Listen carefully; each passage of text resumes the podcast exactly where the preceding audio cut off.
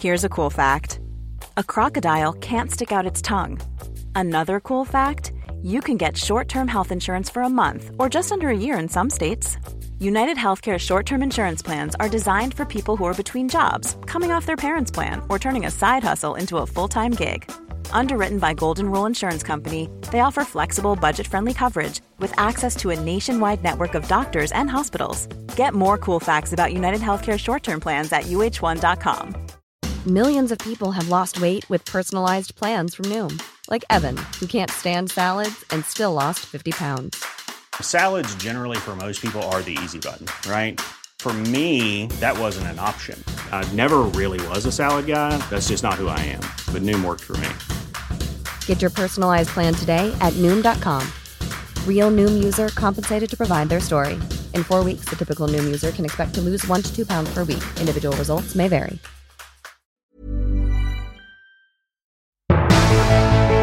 Hva mener egentlig journalistene om sin egen journalistikk? Og hvilke journalistsaker er de beste fra 2022? Ni av ti klager til Pressens faglige utvalg endte med fellelse denne uka her. Har vi nådd et historisk bunnpunkt for presseetikken? Det lurer vi på denne uken. Det gjør vi, Christian. Ja, det gjør vi. Eva? Velkommen til deg, Christian Lieder Marsander. Ja, velkommen til deg, Eva Sandum. Du er jo en slags vikar. Du er jo produsenten vår, da. Det er ikke det. første gang vi hører fra deg. Jeg ligger jo klistret til veggene her hver eneste sending. Du gjør det. Sitter Men- og tjuvlytter på bakrommet Ja. når Svein Tore og jeg vanligvis har eh, opptak. Jeg gjør jo det. jeg gjør det. Eh, Men uh, i dag så er jo Svein Tore borte. Han er på en velfortjent eh, ferie, hvor Ja. han sykler sammen med masse karer på morsom. Mallorca. Det var, men det var litt morsomt, for jeg, jeg sendte han en SMS nå for ca. ti minutter siden. Ja. Uh, For jeg var ikke helt klar over at han uh, var akkurat på den ferien akkurat nå. Nei, Men, uh, og da fikk jeg ganske kjapt svar sånn 'jeg sykler'. La meg gjette. Han Han sendte helt- et bilde av seg selv med det sykkeloutfitet. For det, det Altså, det har jeg lagt merke til at menn er veldig stolte av når de har sånn sykkeloutfit som er sånn full av logoer og mye greier. Altså, det er en greie for menn eh, som pusher 50, tror jeg. Ja, nå, nå generaliserer du litt, for nå snakker du egentlig om Svein Tore, ikke sant? Uh, ja. Ja. ok. Ja, er, men jeg gleder meg veldig til det bildet, da. Det var kosemobbing, da. Var ikke meningen å være slem. Nei, nei, nei, nei, men han er jo ikke her, så det må jo gå an. Det må være lov. Ja. Eh, men eh, jeg er jo veldig nysgjerrig, Eva. Ja. Fordi du var jo på Scoop. Det var jeg. Eh, og bare helt kjapt, hva er Scoop? Scoop er Stiftelsen for kritisk og undersøkende presse.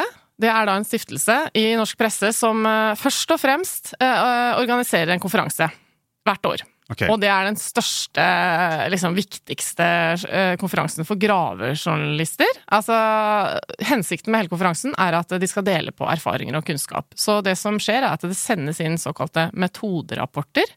Eh, Som er del da av en konkurranse hvor det deles ut en veldig gjev pris, nemlig Scoop-prisen. Det er da prisen til det viktigste eh, graveprosjektet eh, i året som har gått. Og så er det noen diplomer i tillegg.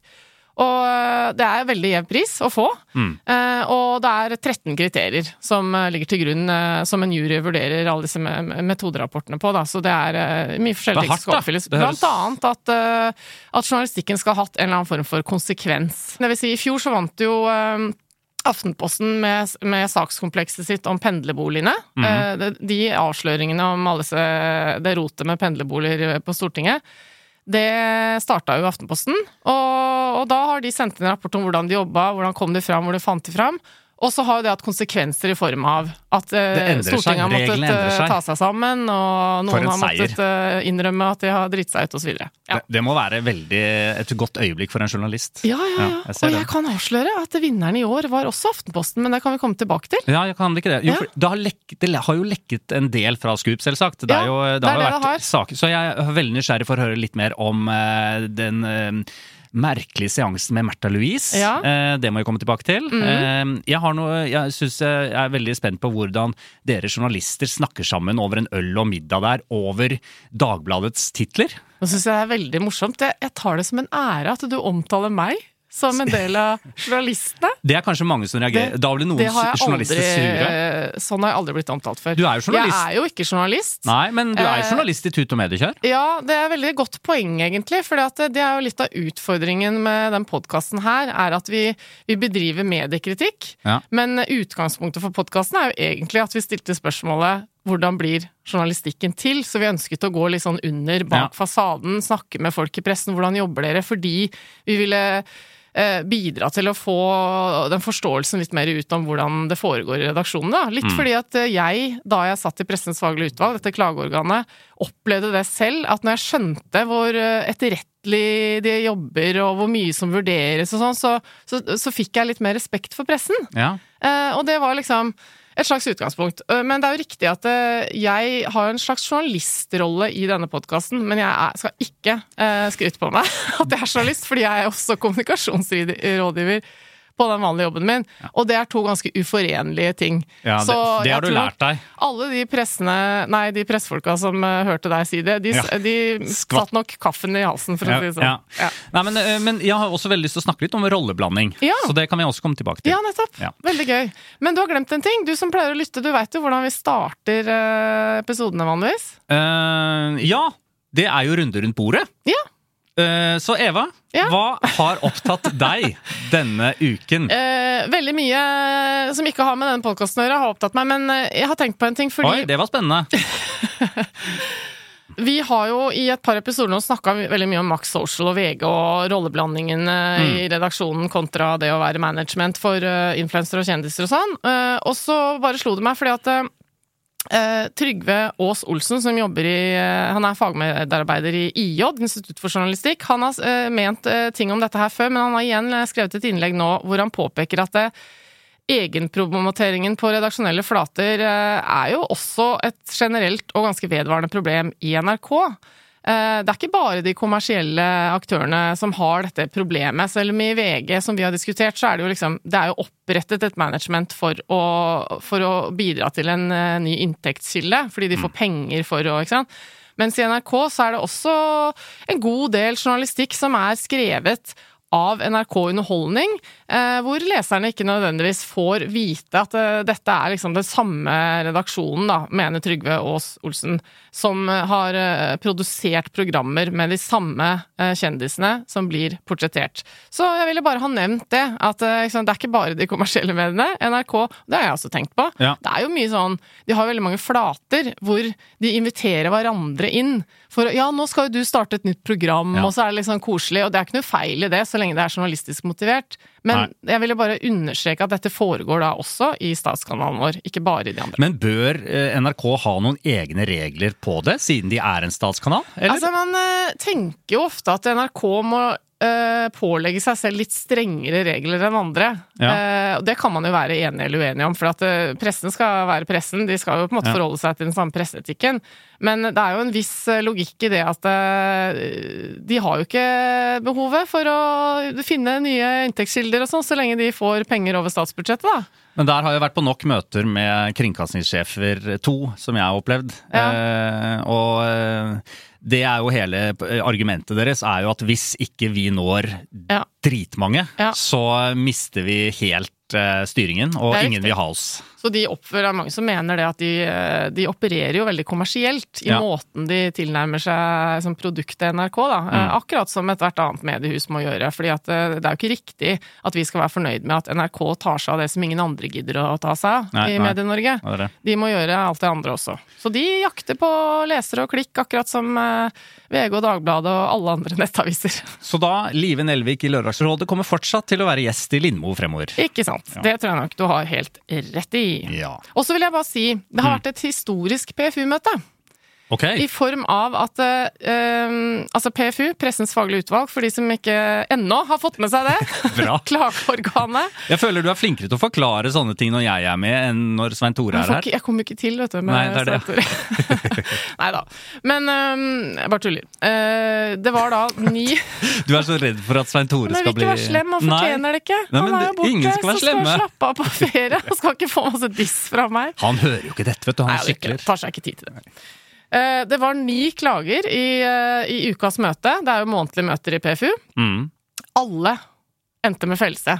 Det vil si, sant, Noen klager inn til Pressens faglige utvalg, de leser klagen, det er tilsvarsrunder mot det mediet som er klaget inn, bla, bla, bla, masse sånn, og så kommer det et forslag til uttalelse fra sekretariatet til PFU, og så vurderes det i et møte. Alle endte med fellelse. Yes. Eh, og det har, så vidt jeg vet, aldri skjedd før.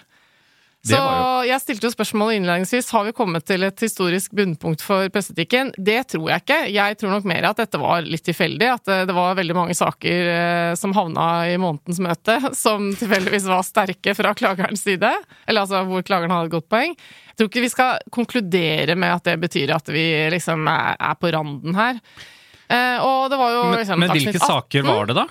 Ja, Dagsnytt 18 ble felt for å ikke ha gitt eh, tilstrekkelig samtidig imøtegåelse, tror jeg. Og, men det kanskje det mest eh, interessante var eh, at Subjekt, som vi jo har hatt eh, som gjest her, Danby Choi, som er redaktør for kulturavisa Subjekt, han, eh, eller de ble felt i Pressens faglige utvalg nå for manglende kildekritikk og manglende omtanke. Eh, I en sak som Omtanke? Ja, altså en sak som fremsto Det var et rart ord i en dom. Jo, altså, det er jo et punkt i Vær varsom-plakaten som tar for seg at du skal vise omtanke, da, for den du skriver om, ikke sant? Og så vidt jeg har fått med meg, så altså, dette var en sak eh, Det var to artikler som ble publisert i juni og juli i 2022. Eh, Det var større dekning om en lærer som varsla mot en rektor og to administrativt ansatte i kommunen. Eh, og så handler det om at uh, de som da blir omtalt, ikke får uh, tilstrekkelig mulighet til å svare på kritikken, ikke sant? så det blir en ensidig dekning, da. Ja. Og det, hele poenget her er jo at når en avis skriver om en sak, og noen blir beskyldt for noe, så skal den andre få lov til å forsvare seg. Det er jo prinsippet i dette samtidig imøtegåelse-punktet i i Vær som er det punktet som alle blir felt på hele Ja, tiden. ja. Vi blir altså ikke bedre. Det høres så utrolig eh, sånn eh, elementært ut. Ja. Altså, og så likevel så mange som blir felt på det. Men bare for å ikke drive med feilinformasjon, så var det punktene 3-2 og 4-1 som De ble altså ikke felt subjekt for akkurat det punktet jeg snakka om nå, men om omtanke og manglende kildekritikk, da. Så ja, de som vil kan lese den saken. Jeg kan legge ut lenke til den eh, for de spesielt interesserte. Så fint, så Altså, fint. jeg, har, jeg har jo ikke noe annet å drive med enn å serve lytterne våre. Lenkenes mester. Eh, Men du, la oss snakke litt om Scoop. Ja. Du var der, ja. og eh, du tok også og gjorde et opptak der. Ja. Eh, Eller det vil si, eh, vi hadde en livepod, og siden da Svein Tore hadde liksom klart å blingse litt i kalenderen og booka seg inn på denne sykkelturen som han er på, så måtte jeg skaffe noen vikarer. Så jeg hadde da en eh, livepod som var et slags vorspiel til prisutdelingen i baren på Scoop på dag to, eh, sammen med Torbjørn Røe Isaksen og Sara Sørheim eh, fra Aftenpodden og Skipsted, da. Så det var veldig koselig. Det var veldig gøy. Ja. Ja. Vi, vi, jeg har også hørt litt på det, og vi, vi må jo høre noen klipp fra, fra den praten dere hadde der. Ja, ok. Mm. Også, men aller først, det er jo tre punkter spesielt jeg har lyst til å trekke frem her. Mm. Eh, og det er den aller første, mye omtalt allerede. Det er 21.30 på kvelden. Ja. Folk har fått seg en øl. Mm. Salen er stappfull av journalister. Noen eh, skal få priser. Mm. Eh, 600 journalister, eh, 600 cirka, journalister. og redaktører. Mm. Lyset senker seg. Og så, Late night show kaller de det på fredag. show, Mm. Så kommer Märtha Louise inn på scenen med et hvitt flagg. Ja, Kan du fortelle uh, litt stemningen her, og, og, og hva som skjer? ja, det er alltid hemmelig eh, hvem som er gjester i dette late night-showet. Eh, for andre år på rad så var det mm, Aller Medias Mats A. Andersen som var programleder. Altså Det er et slags talkshow i, i liksom Skavlan Lindmo-format. Man sitter i stoler på scenen, og så sitter alle i salen og, og er veldig spent på hvem det er som kommer, for de er alltid veldig flinke til å få litt sånn eh, overskriftgjester, da. På en måte. Men eh, eh, det har vært Jeg kan bare prøve å gjenfortelle, fordi ingen visste jo at hun skulle komme. Og så kommer hun inn med et hvitt flagg, og så har hun eh, fått lov til å ha med seg en powerpoint, og det er ikke så vanlig Nei. i et sånt talkshow-format. Men det tror jeg var et premiss hun hadde stilt, da. Ja. Og så skjønte vi ganske fort at her har jo ikke Mats eh, Andersen, programlederen, helt kontroll på Märtha Louise. For det er jo litt sånn Det er jo ulike liksom, ulik dialog man har med ulike intervjuobjekter som skal komme i en sånn setting, og jeg tror nok han har også fortalt i ettertid at det var ikke så lett for han å få full informasjon om Han har ikke sett powerpointen, for eksempel. Da. Så hun hadde jo da eh, et behov for å komme seg gjennom en altfor lang powerpoint med masse poenger som skulle på en måte svare på den kritikken hun opplever å ha fått, nemlig at eh, hun driver og kritiserer pressen eh, uten grunnlag i fakta. Mm. For hun stilte jo eh, opp til et intervju på svensk TV for noen måneder siden, hvor hun eh, er litt uenighet om hva hun faktisk sa, da, men eh, i hvert fall veldig mange i pressen opplevde at hun ga pressen skylda for Ari Behns død, sånn indirekte. Og, og jeg kan jo forstå Märtha Louise når hun opplever at Men det var jo ikke det jeg sa. Eh, og så hadde hun da med seg et klipp eh, hvor hun prøvde å vise Se her, var det virkelig det jeg sa? Nei, ikke sant? Og så ble det, hun hadde veldig behov for å liksom, rydde opp eh, i misforståelsen, da.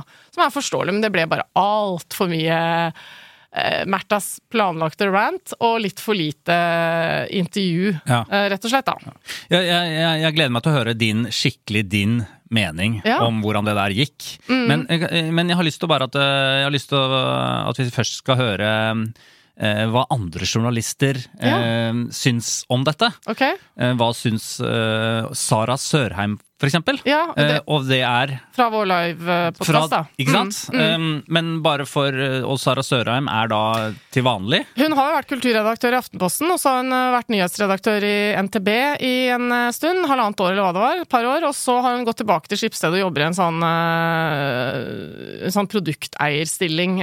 Blant annet vært med i oppkjøpet av nettavisa Skifter nylig, da. Så hun jobber i Skipsstedssystemet, er ikke utøvende journalist akkurat nå. Nei. Mm. Dette eh, opplevde Sara Sørheim denne seansen som. Jeg, jeg fatter ikke at, at hun, prinsesse Märtha, ikke, hadde, ikke hadde liksom fått litt hjelp til å lage noe som kunne blitt litt mer sånn Eh, ja. Eh, kommunisert på en måte som gikk an å ta imot. Eh, det føltes veldig sånn voldsomt og altfor emosjonelt. Så jeg fikk bare sånn Det bare slo inn sånn eh, stress hos meg. Jeg synes det var bare fælt å se på. Men dere var liksom Torbjørn, du var helt sånn du, Eller det vil si, du, du mistet jo troen på monarkiet, stakkars deg. Ja, der. så det var litt tøft for deg. Var, men Dere virka ikke som plaga, men jeg syns det var faktisk ubehagelig å se på. Jeg fikk litt den der eh, beskytte mot seg selv. Eh, altså, jeg, hadde, jeg, er jo en ivrig uh, rojalist, og det kan jeg være fordi jeg er meningsjournalist. Uh, uh, og det var en periode i går hvor jeg gikk rundt og sa til alle at Gud er død og ingenting betyr noe lenger. men, men kanskje først og fremst så tror jeg at Eh, den seansen i går, for det, det var, var, mange som snakket om den, og det som var litt synd, det var at det er jo en veldig viktig kjerne der. Og den kjernen er kanskje to ting. Det ene er den rene sånn subjektive opplevelsen av å bare vokse opp i offentlighetens søkelys fra du er liten. Og det, jeg tror hun har et veldig viktig poeng ved at det er umulig å forestille seg. Ja. Du, du, kan bare ikke skjønne det. Vi kan ha fått noen glimt av det. Eh, og det kan gjelde redaktører som har stått i stormen også. Man kan få et lite glimt av det, men det gjør noe. Eh, og så er det andre poenget er jo om, om også norsk presse, som jeg syns hun var veldig urettferdig mot, må jeg si, eh, noen ganger har trukket det altfor langt. Mm. Og det ble litt sånn borte. da, i alt kanskje andre. Poenget også var at når det fremstilles på en så rotete og litt ukontrollert måte, og ikke minst noe som irriterer meg noe så inn i granskauen, som er mediekritikk som baserer seg på at vi eller dere. Sant? Og det mm. tenker jeg det er ganske sånn enkelt å gjøre noe med. Altså det er alle, Vi vet jo, vi skal ikke gå i selvforsvar og bli sure fordi noen peker på ting vi har gjort alle her. Alle har gjort feil, men akkurat den der 'dere gjorde sånn og sånn' Når du ikke klarer å skille mellom liksom, Forsvarets forum og Se og Hør, da ble jeg bare liksom irritabel. Men, jeg tror kanskje jeg... formen sto litt i veien for innholdet og ja. budskapet. Og så var det jo litt rart det at hun var så opptatt av at hun gjerne ville at det skulle være en bedre dialog mellom henne og hennes familie og media, men hun var ikke så interessert i dialog der og da. Altså, det var jo ikke så mye spørsmål som kom gjennom i den seansen. Nei, men jeg tror det er et veldig oppdemmet uh, Nå merker jeg at det kommer sånn uh, behov for å være litt kontrær, da, for jeg tror det er et type oppdemmet behov for å si hvordan er det jeg har hatt det. Og så, så tror jeg én ting som er viktig å ha med seg i mente, i hvert fall det er at ja, man kan selvfølgelig og burde kanskje forvente mer av en som har hatt et forhold til pressen i, i, hele sitt liv. På den annen side, hvis du spør folk flest i Norge, så handler det om mediene. Dere. Dere gjør sånn. Og en utrolig liksom, banal ting, men det er denne Men allikevel viktig, det er forskjellen på at man er Man, er, man øh, fremmer andre Eller man gir spalteplass til noens meninger, og det at mediene mener noe. De fleste har ikke noe forhold til det. Nei. Sånn er det. Men da, i så fall så har ikke vi gjort en god nok jobb, for det er så ufattelig grunnleggende. Uh, vanskelig å tro, men uh, det kan ja, det, jo være noe sannhet i det. Det kan jo hende det.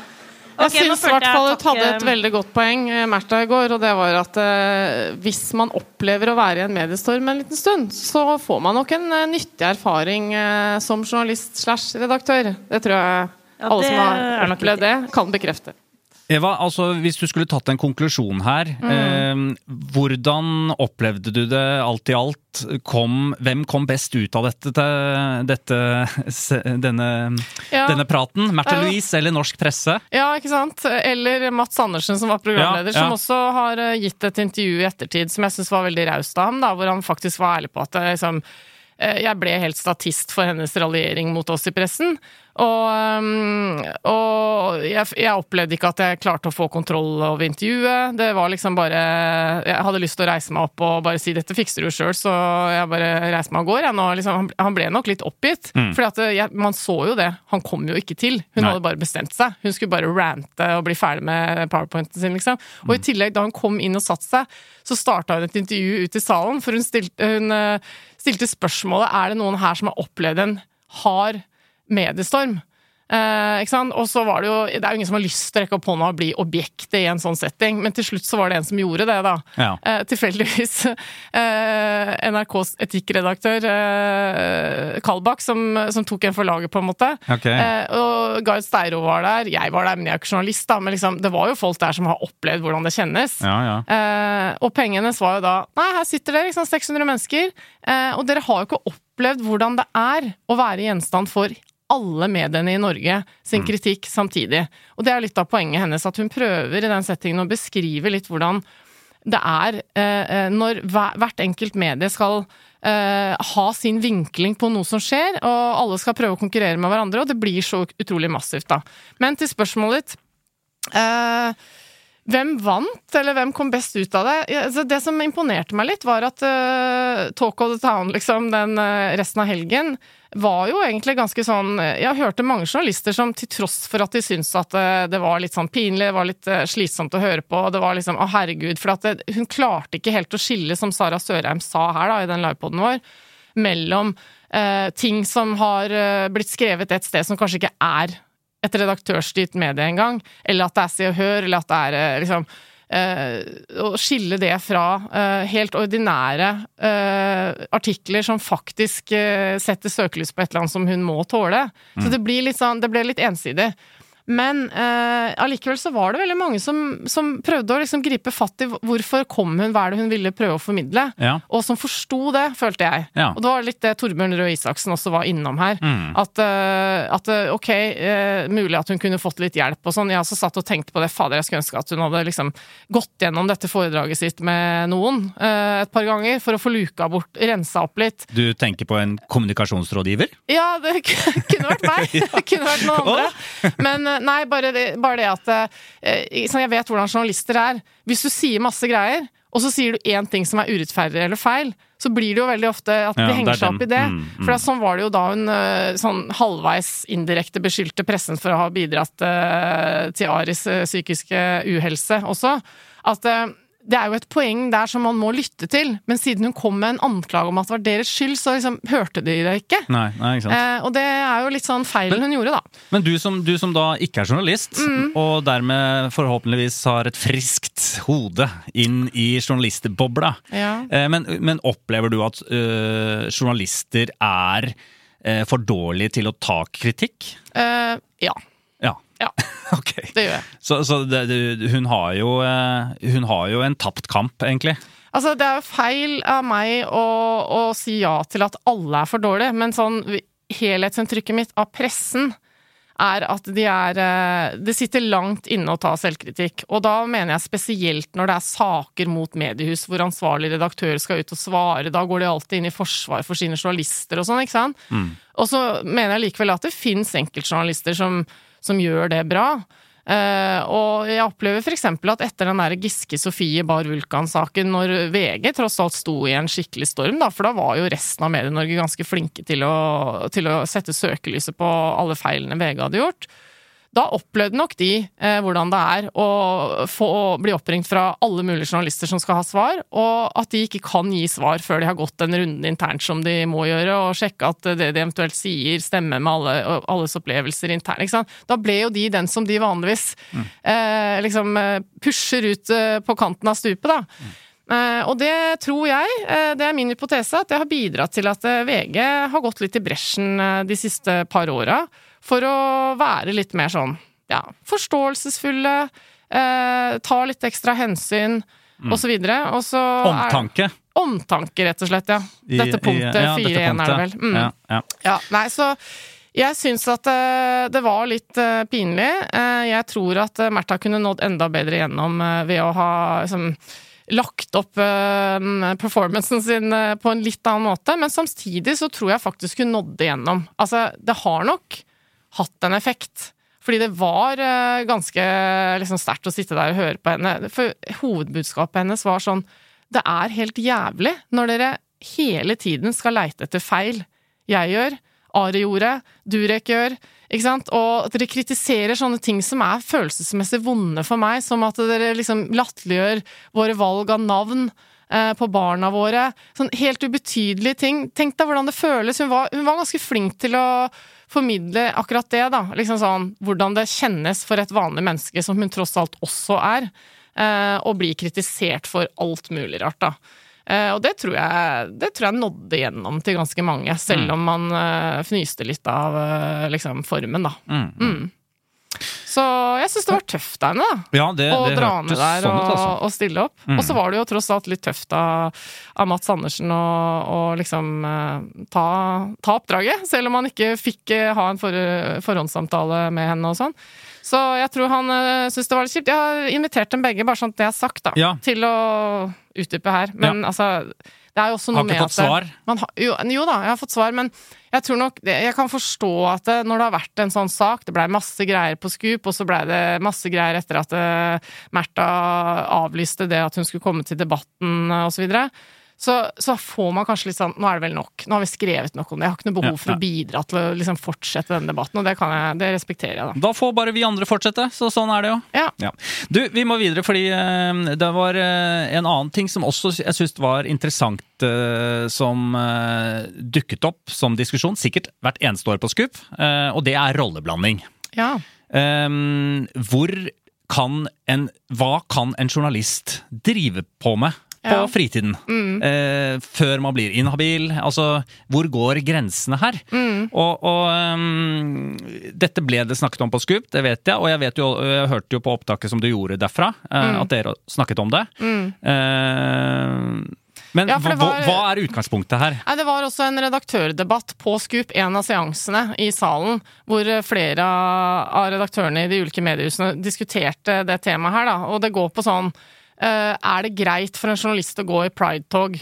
Ikke sant? Ikke sant? Fordi Hvis du skal dekke pride, blir du da for mye aksjonist, eller er du for emosjonelt innblanda i saken? Men Eva, før jeg uh, hører hva du uh, mener hvor grensene går, mm. så, så har jeg lyst til å høre litt hva journalistene du snakket om hva de mener. Mm. Og en av de du stilte det spørsmålet til, eh, nå spesielt om pride, da. Mm. Er det mulig å gå i pride-toget mm. som journalist? Det var til Jens Kiel. Mm. Og, Kiel har jeg skjønt i løpet av helgen at han ja. uttaler det. Mm. Mm, ikke sant? Fint skal det være. Ja, han er kulturredaktør i BT. Ikke sant. Ja. Uh, at jeg har nok vært jeg, altså, Klassekampen har jo hatt en tradisjon for å være uh, veldig raus med hvor mange Ikke bare liksom, at du har hatt, en historikk osv., men at du kan ha direkte dobbeltroller, og det er innafor.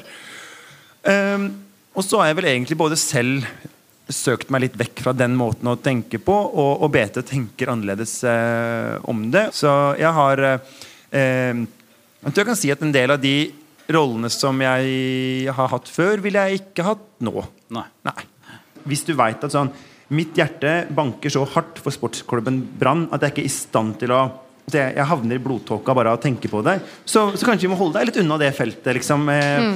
Eh, og det, det, vi har journalister som har det problemet i Bergens Tidende. Kan jeg informere om. Og disse tingene det er jo ikke egentlig noe dramatisk. Eller Vi bør ikke gjøre det til en sånn stor ting sånn Å nei, jeg har en dobbeltrolle, jeg har en binding. Altså, sånn, alle, alle, har det. Vi må bare snakke liksom, om det litt sånn åpent og fritt. Og at i det så er det ikke nødvendigvis verre at en journalist sier det er veldig viktig for meg som menneske å få gå i pride, eller få gå i kirken, eller få feire id, eller hva som helst. Ikke sant? Eh, enn det er å eie seks leiligheter i Bergen sentrum eller være medlem av turlaget, som plutselig er kjempeviktig i vindkraftdebatten på Vestlandet. Vi må bare vite om det, og så må vi snakke om hvordan vi løser det på en klok måte.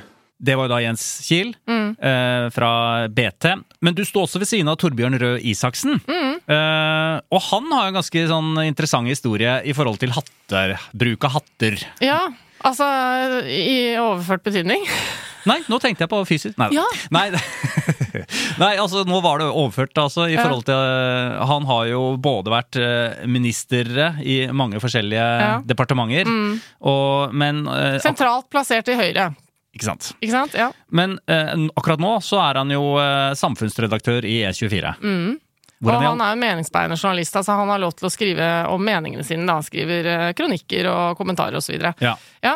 Og han meldte seg jo ut av Høyre. Ja, jeg syns det er litt interessant. For det sånn, det, er det jeg opplever veldig ofte med pressen eh, når det gjelder uh, denne rolleblandingsgreia. At noen ganger så kan det oppleves som at de er litt sånn uh, strengere enn paven på ting. Mm. fordi de er jo opptatt av å fremstå ryddig, så det er veldig bra.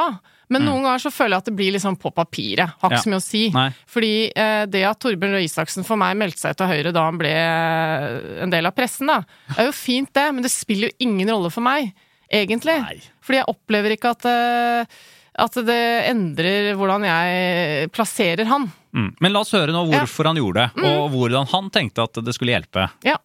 Nå, nå, var det delvis sånn at det sånn som jeg oppfatter i hvert fall, så er det en slags sånn redaksjonell standard i Skipsted. Men jeg ville nok gjort det uansett. Mm. Så det var ikke noe vanskelig for meg. Og jeg vil si at Det var liksom to, to sider ved seg. For at det er den ene siden ved seg. og det, Jens kjenner seg kanskje litt igjen i det fra, fra sin egen sånn politiske bakgrunn. Det ene er det rent sånn eh, pri, eh, symbolske ved det. Du melder deg ut. Det er et brudd med symbolsk. Men det andre er at det er en veldig stor forskjell på å ha et perspektiv som kommentator som tilhører en bred høyreside, og det å ha et partipolitisk perspektiv. Det er to veldig forskjellige ting. Eh, og veldig mange av de gode kommentatorene i Norge som jeg setter stor pris på, har jo et grunnsyn samfunnsmessig. altså Du kan plassere dem som liberal, sosialdemokratisk, sosialistisk, konservativ etc. Men de er jo ikke nødvendigvis partibundet. Og det er en ganske avgjørende forskjell, eh, mm. syns jeg.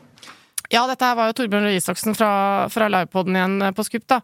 Han Altså, det er kanskje ikke helt riktig det jeg sa i stad, fordi det at han har meldt seg ut av Høyre, gjør at han ikke er programforplikta.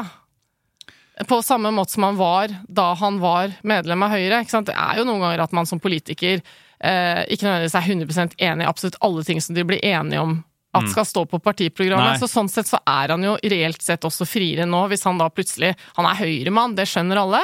Men det er ikke sikkert han er enig i alt Høyre gjør i de nærmeste ti åra. Så sånn sett så At han kan faktisk snakke utenfor partiboka? Ja, og det kan han jo som ja. medlem av Høyre òg, men det, han kunne det, jo på en måte ikke det. Sånn, hadde jeg regnet med. Men ok, ja, men jeg ser, ser Nei, men du skjønner, det er litt sånn på papiret, da. Men nå, nå skal jeg hylle deg, Eva. Ja, så deilig! Ja, fordi du stilte et veldig spennende spørsmål eh, rett etter dette oh, ja. i denne livepoden, som, okay. som, som, jeg vil du skal repetere nå. da. Ja. Og så må vi få svaret. Og, og, eh, ved siden av deg nå i panelet ja. så står jo da Jens Kiel, Sara Sørheim, Torbjørn Røe Isaksen. Og så stiller du det spørsmålet nå. Ja, hvilket hva var det, da? Du må gi meg et hint her. Jeg husker jo ikke det at det var om, uh, om uh, kirken. Ja, det var vel noe sånt som at jeg lurte på om det er sånn at det å ha et religiøst verv i Den norske kirke, om det er greit? Siden det liksom er religionen som er mest vanlig i Norge. La oss høre hva de sa. Altså, i, i, BT så har vi jo sagt at en del av de egenskapene ved, ved et menneske som bare er liksom helt dypt menneskelig. Altså sånn, hvilket, det er ikke sånn at du blir inhabil til å skrive om kvinnehelse av å være kvinne. Du blir ikke Akkurat det, akkurat det blir man faktisk. Eh, Fordi ingen andre gjør det. Ja. Eh, det blir ikke Altså, ikke sant. Samme så eh, seksuell legning, eh, kjønnsidentitet, eh, religion er ikke i seg selv eh, Gjør deg ikke inhabil. men så kan det være at sånn Hvis du går i den moskeen som har en kontroversiell utbyggingsplan, mm. så er det kanskje liksom en grunn til å si at da skal du kule litt på den saken. Men at liksom å være troende, f.eks. Det må jo folk få lov til å være.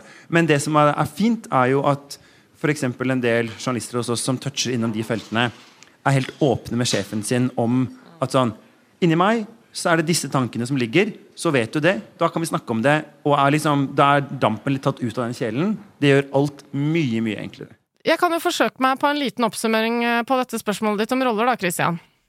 Eh, jeg tror at uh, egentlig så er det hele et stort surr uh, i media nå, fordi at Greit, da er vi ferdig. Folk uh, leser journalistiske ting parallelt med influenserting i sosiale medier, hvor det både er Aftenposten og VG sine ting og innlegg fra andre. ikke sant? Så det er jo et problem at folk ikke klarer å skille dette her. Ja. Men jeg mener jo fortsatt at det er kjempebra at de redaktørstyrte mediene, det som er liksom den tradisjonelle pressen, at de er litt strengere enn paven på dette her.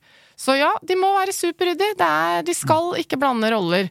Eh, og, og det er liksom De har ytringsfrihet, de også, eh, som det ble sagt på Scoop, men de trenger ikke alltid å benytte seg av den. Mm, det vil si at eh, er du journalist og mener masse om noe, så hold kjeft og snakk om det på middagsselskaper med venner og kollegaer og sånn, men kanskje ikke skrive om det med mindre du er en meningsjournalist, som er noe annet, da. Ikke sant? Hvis du dekker nyhetsbildet rundt den saken, så får du nesten holde kjeft, eller bare ikke dekke det temaet, fordi du er for vikla inn i det.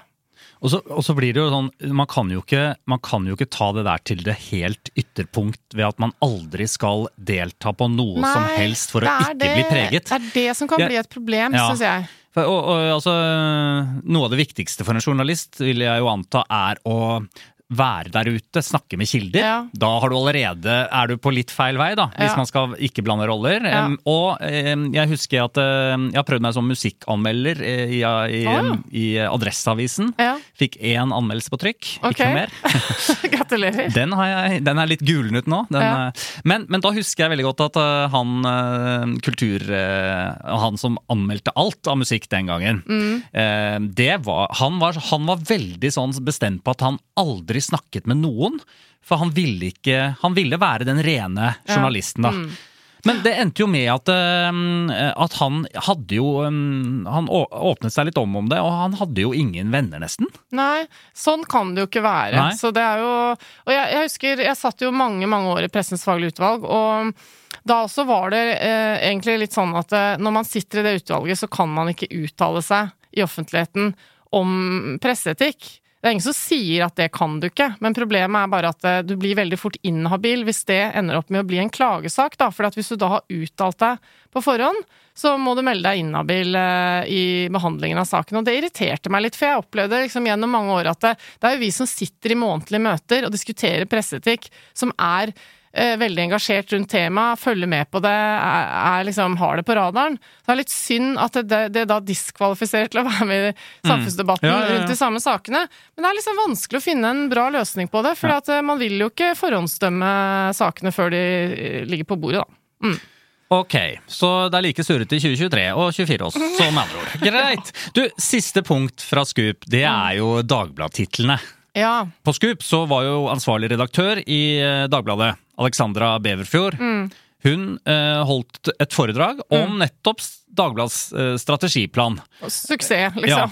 Slik det, får vi det til. Ikke sant? Ja. Jeg, for jeg lurer jo ofte på sånn Er det bare eh, komiske, morsomme De har det kjempegøy på desken og ja. finner artige titler, eller ja. er dette en dyp, dyp strategiplan? ikke sant, ja, det er det jo. Men eh, jeg var ikke på foredrag til Beverfjord, fordi at det foregikk samtidig som vår livepod. Ja, men okay. nettopp derfor så hadde vi, eller delvis derfor så hadde vi jo Lars Helle også som gjest. Og, og hvem er det? Det er da eh, ny politisk redaktør i Dagbladet. Han har vært i Stavanger Aftenblad og andre steder, og så kommet tilbake til Dagbladet siste året. Så jeg stilte han egentlig spørsmål om hva er det Alexandra nå står i en annen sal og prater om. ok, La oss høre på Lars Helle og, og bakgrunnen for Dagbladets eh, titler. Mm. Dagbladets metode heter foredrag, og det forteller jo litt om eh, at Dagbladet har gått tilbake til røttene, som særlig ble utvikla på 1930-tallet, med å, å, utvikle en boulevardprega avis som, som, eh, både leverer kultur og debatt, men òg eh, underholdning, sport, nyheter, breaking, som det heter nå til dags. Og, og få fram det i en miks som fenger folk, både godt utdanna, lavt utdanna, folk i Nord-Norge og folk i Sør-Norge. Og, og, og, det er litt eh, og så har Dagbladet hoppet litt fram og tilbake. Det beskrev jo også litt. Jeg så begynnelsen av foredraget og kjente jo litt til det på forhånd. Eh, så det er jo eh, på mange måter Dagbladets metode. Og skal ha en ny sang som det på Mediedagen i Bergen. Så de som ikke fikk det med seg nå, de får jo muligheten i, i Bergen. Hva, hva, syns du, hva, syns du, om, om, den kritikken som kommer, da? Og du vet jo sikkert at det hviskes altså, litt i journalistkretser også. Ja, ja, ja. ja, Og, og, og, eh, kanskje mest i journalistkretser og, og sånn. Men, men det, det, er jo fordi at Og det er kanskje litt poenget med det foredraget, at å forklare hva dette er. Det er jo en Altså Alexandra er jo et intellektuelt menneske som har en eh, akademisk tilnærming til dette. her. Men, men eh, det er jo en sånn, sånn greie. altså Jubileumsboka vår til 125-årsjubileet i 1994 heter 'Utskjelt og utsolgt'. Og det er litt av tilstanden. Dagbladet er alltid utskjelt. Og det er alltid noen, særlig i mediebransjen, som mener at Dagbladet altså, Dagbladet har aldri vært det de mener Dagbladet var.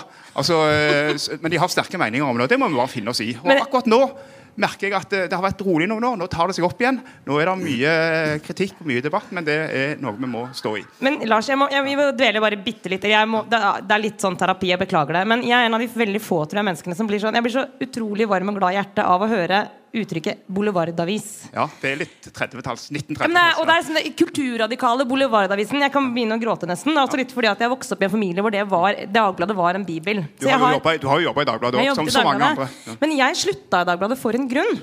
Ja. Uh, og jeg vil bare lure på, Lars, hvordan du Altså din kjærlighet for Dagbladet er så åpenbar. Uh, men nå skal jeg være litt slem, men jeg vil bare høre forklaringen din. Jeg håper du har en god en. Altså, alt du sier, var jo sant på et eller annet tidspunkt. Men jeg finner ikke igjen akkurat den, den, den der kulturradikale boulevardavisa som hadde de smarteste skribentene, de beste analysene og de råeste krimsakene. Mm. Jeg elsker også den komboen. Mm. Eh, men er det, er det, sant å si at den er like sterk i dag? Og jeg mener ikke å være kjip, for jeg virkelig fortsatt egentlig er det det som er min avis. Men jeg bare Skjønner du hvor jeg vil? Ja, jeg, jeg, eh, forstår hva du vil, men det har jo litt med det Bernt også var inne på, at det har vært utvikling på mange plan.